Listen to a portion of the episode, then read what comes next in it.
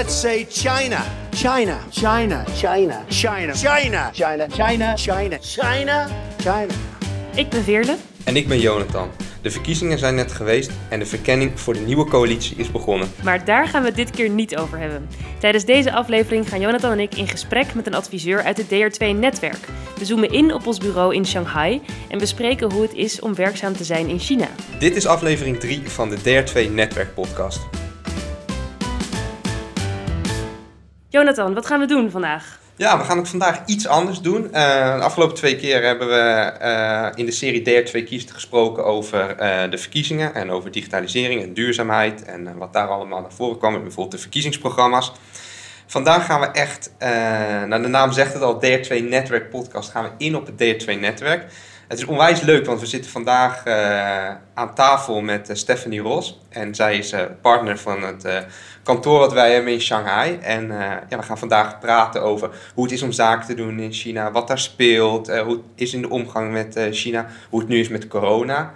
Het, het, is natuurlijk allemaal begonnen, maar hey, hoe is dat nu en hoe is het nu om daar, daar, daar te zijn? Ja. En ja, daar gaan we het vandaag allemaal over hebben. Ja, Stephanie, wat goed dat je er bent. Hoe gaat het? Ja, nou dank voor de uitnodiging. Ik vind het ook heel gezellig om weer eens bij mijn collega's uh, in Nederland op kantoor te ja, zijn. In real life, op anderhalve meter. Ja, Goed, uh, toch om even zo bij elkaar te zijn. Van wanneer tot wanneer zat jij in Shanghai? Uh, van 2016 tot december 2020, dus ik ben net terug eigenlijk. Net terug. Ja. En dus helemaal de coronapandemie daar meegemaakt. Ja, zeker. Ja, ik weet nog heel goed dat het begon en dat er geruchten gingen op de staatsmedia over een griepje wat in Wuhan uh, om zich heen greep. En dat wij toen de instructie kregen in Shanghai om toch ook maar een mondkapje op te doen mm -hmm. uh, als we de straat gingen. Wanneer begon dat? dat was eind januari 2020. Toen wij hier ons nog van geen kwaad bewust waren. Nee, klopt. Ja. En uh, dus toen stuurde ik uh, een foto met mondkapje op, op een lege straat in Shanghai naar mijn ouders. En die schrokken zich natuurlijk een hoedje. En twee dagen later stond er op nu.nl inderdaad ja, corona uitgebroken in China.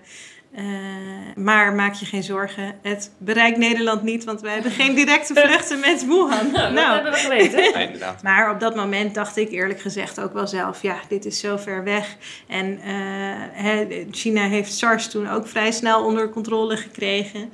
Uh, ik had niet verwacht dat het virus zich zo snel uh, zou verspreiden wereldwijd. En onder controle gekregen, zeg je, dat, dat hebben ze nu daar ook al bijna, toch? Hoe was ja, het toen jij wegging? Zeker, ja. Ik heb toen ik wegging nog een afscheidsdiner uh, gehad met al mijn vrienden. Zaten we met z'n allen aan één tafel. Het was gewoon open in een alles restaurant. is open, ja, ja. Het zakelijk leven weer helemaal op gang. Dus het was wel weer even slikken om terug te komen naar de lockdown ja, hier. Snap ja. ik. Jullie zijn natuurlijk actief in Shanghai. Het, het is natuurlijk moeilijk om nu naar China te komen. In hoeverre kunnen jullie ook een, een rol spelen voor, voor de bedrijven en de instellingen die jullie helpen, omdat we fysiek een kantoor in Shanghai hebben? Ja, nou ik merk dat de vraag eigenlijk enorm is toegenomen uh, sinds het leven in China weer is opgestart. En dat is denk ik een beetje afgelopen zomer geweest. Worden er weer expo's georganiseerd en uh, nou, gaan bedrijven gewoon ook weer verder met zaken doen. En juist omdat onze klanten niet zelf kunnen reizen, worden onze collega's op kantoor daar gevraagd om onze klanten te vertegenwoordigen. Dus uh, als er onderhandeld moet worden met de overheid, gaat dat toch in persoon. Dus dan sturen we uh, onze collega's erop af. Um, uh, nou, als er een uh, gesprek met een partner, een moeilijk gesprek uh, gedaan moet worden met een handelspartner, doe je dat toch liever ook in Ja. persoon. dus dan vertegenwoordigen wij de klant. Maar net zo goed voor expos, om daar mogelijke zakenpartners te vinden. ja, daar, daar gaan wij dan ook op de beurs staan om onze klant te vertegenwoordigen, waar Dus- we dat normaal met de klant zouden doen, samen. Je hebt daar vier jaar gewerkt. Hoe is het nou om, uh, om daar te werken, om daar zaken te doen? Zitten er hele grote verschillen? Of zeg je, nou, dat valt eigenlijk best wel mee? Ja, ik vond het wel heel anders. Hiervoor uh, werkte ik in Brussel natuurlijk ook met veel culturen, maar dat waren veel Europese culturen bij elkaar. En ja, je ziet wel dat de Chinese zakencultuur en onderhandelingscultuur anders is. En dat het veel meer nog dan hier om persoonlijke relaties gaat. En om het netwerk wat je opbouwt. Guangxi wordt dat genoemd. Uh, en dat zijn relaties die soms al generaties teruggaan. Dus als nieuwkomer moet je eigenlijk altijd geïntroduceerd worden door anderen die jou meenemen. En uh, ja, je kan niet gewoon koud ergens binnenkomen met je pitch.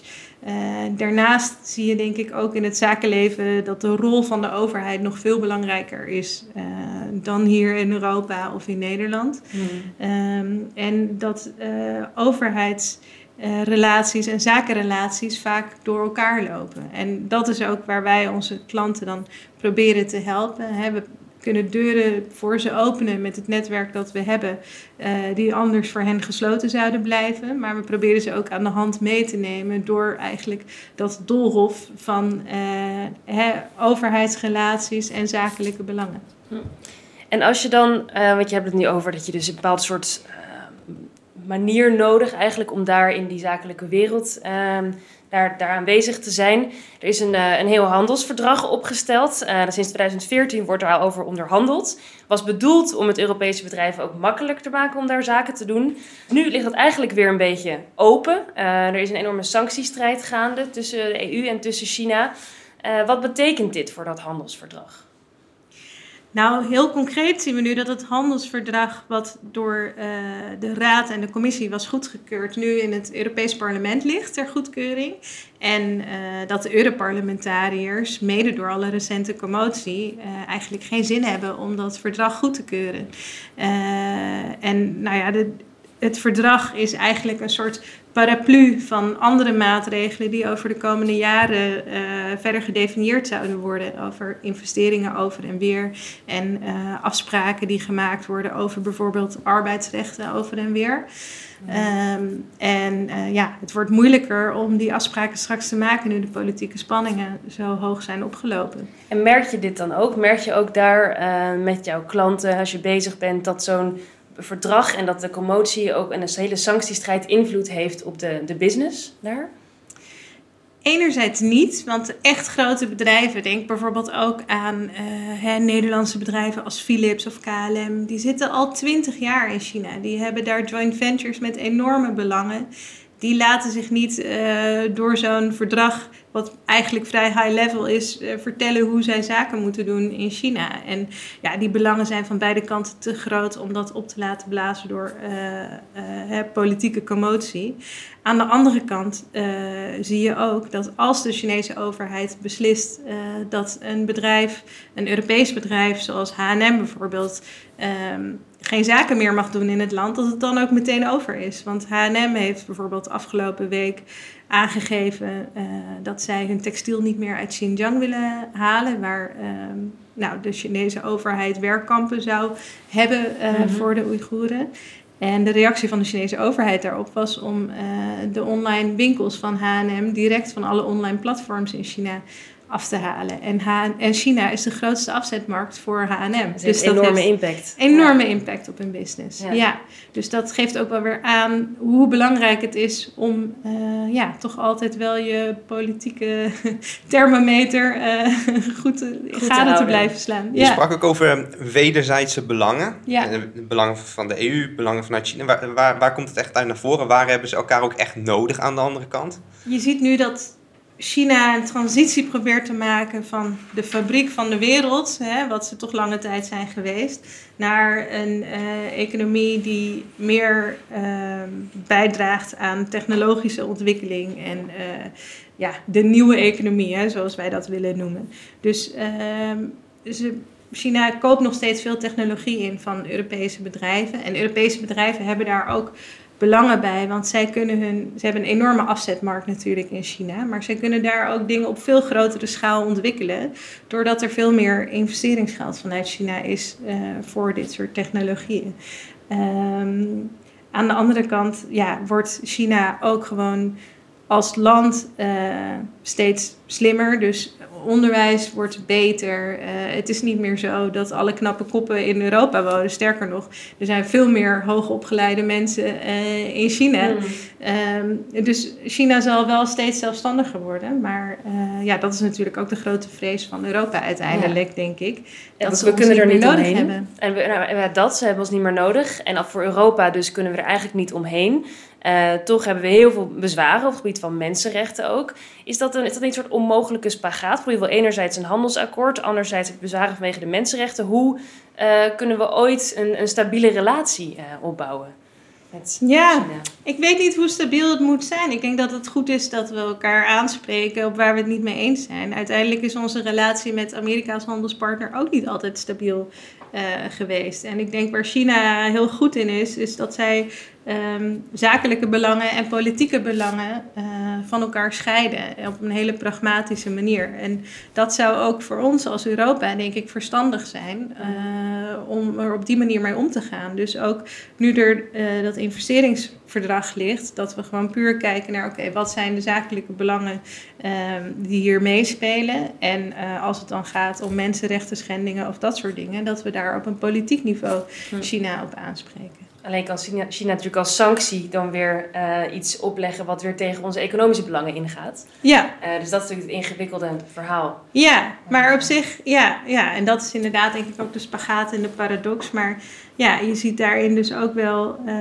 hè, dat er heel veel bedrijven zijn die gewoon zaken doen met de Chinese overheid en met Chinese staatsbedrijven, die dat al jaren op een goede manier ja. hebben kunnen doen.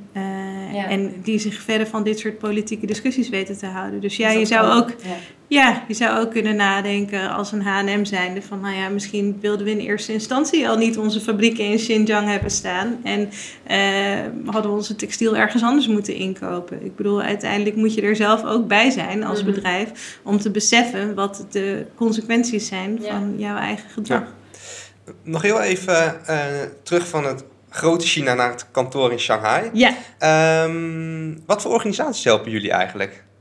Het is heel breed, van uh, onderwijsinstellingen. We hebben voor een aantal Nederlandse universiteiten gewerkt om hun uh, partnerschappen in China um, te managen eigenlijk. Dus wanneer er een conflict was, uh, hebben we onderhandelingen gevoerd namens ze. Maar we monitoren ook van hoe staat het met de verhoudingen in deze partnerships en in het onderwijs tussen Nederland en China.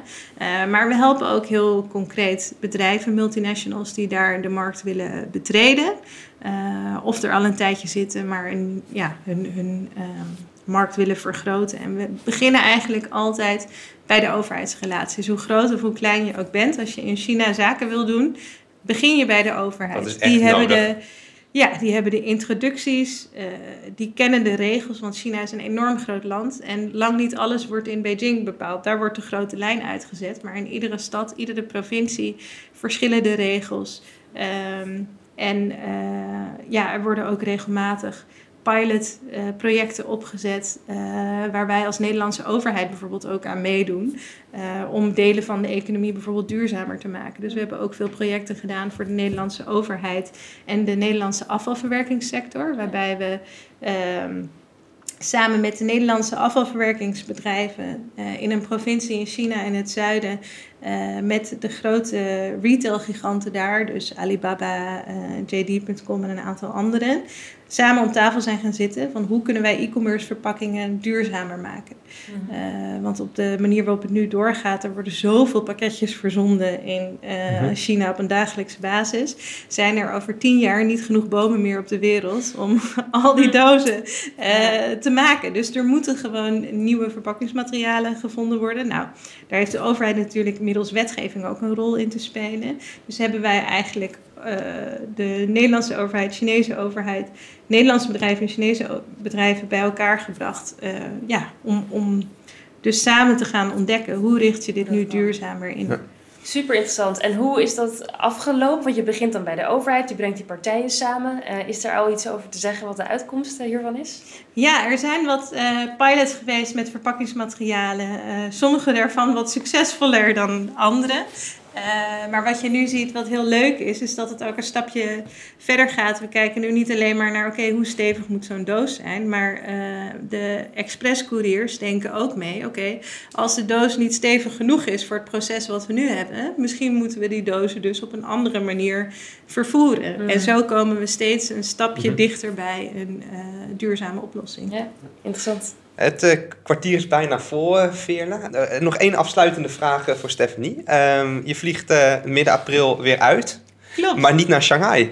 Nee, ik ga China ontzettend missen. Ik hoop dat ik nou, als, de, als iedereen gevaccineerd is, dat ik weer wat makkelijker op en neer kan vliegen.